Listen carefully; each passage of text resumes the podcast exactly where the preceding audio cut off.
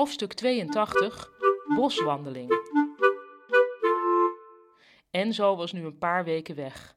Halfslachtig werkte Kavia aan een nieuwsbrief. Ze wilde dat Enzo er weer was, dan konden ze samen een boswandeling maken. Gedachteloos typte ze het woord boswandeling boven de nieuwsbrief, min of meer om te kijken hoe het stond. Haar telefoon ging. Enzo, hey, zei ze. Ha, ik ben nu, klonk het en daarna hoorde ze niks. Toen nog even, hoge bergen, nauwelijks bereik, fantastisch. Daarna werd de verbinding verbroken en stond er op het schermpje, gesprek mislukt. Dat kun je wel zeggen, dacht Kavia. Hoewel, ze wist precies wat ze moest weten. Enzo was de bergen ingetrokken en daar was het leuk. En nu niet denken aan Josje, zei ze streng tegen zichzelf. Ze keek gedachteloos naar haar nieuwsbrief en, om de gedachte aan Josje weg te drukken, drukte ze op send. Daarna ging ze koffie halen.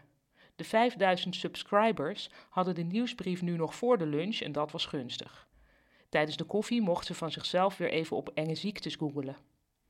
Net toen ze verdiept was in gordelroos, vroeg Ruud: Mag ik vragen waarom wij een mailing met de titel Boswandeling krijgen? Mis ik iets? Oeps, dacht Kavia, dat gebeurde er als je op send drukte zonder alles nog eens aan jezelf voor te lezen. Ze besloot zich niet te laten kennen.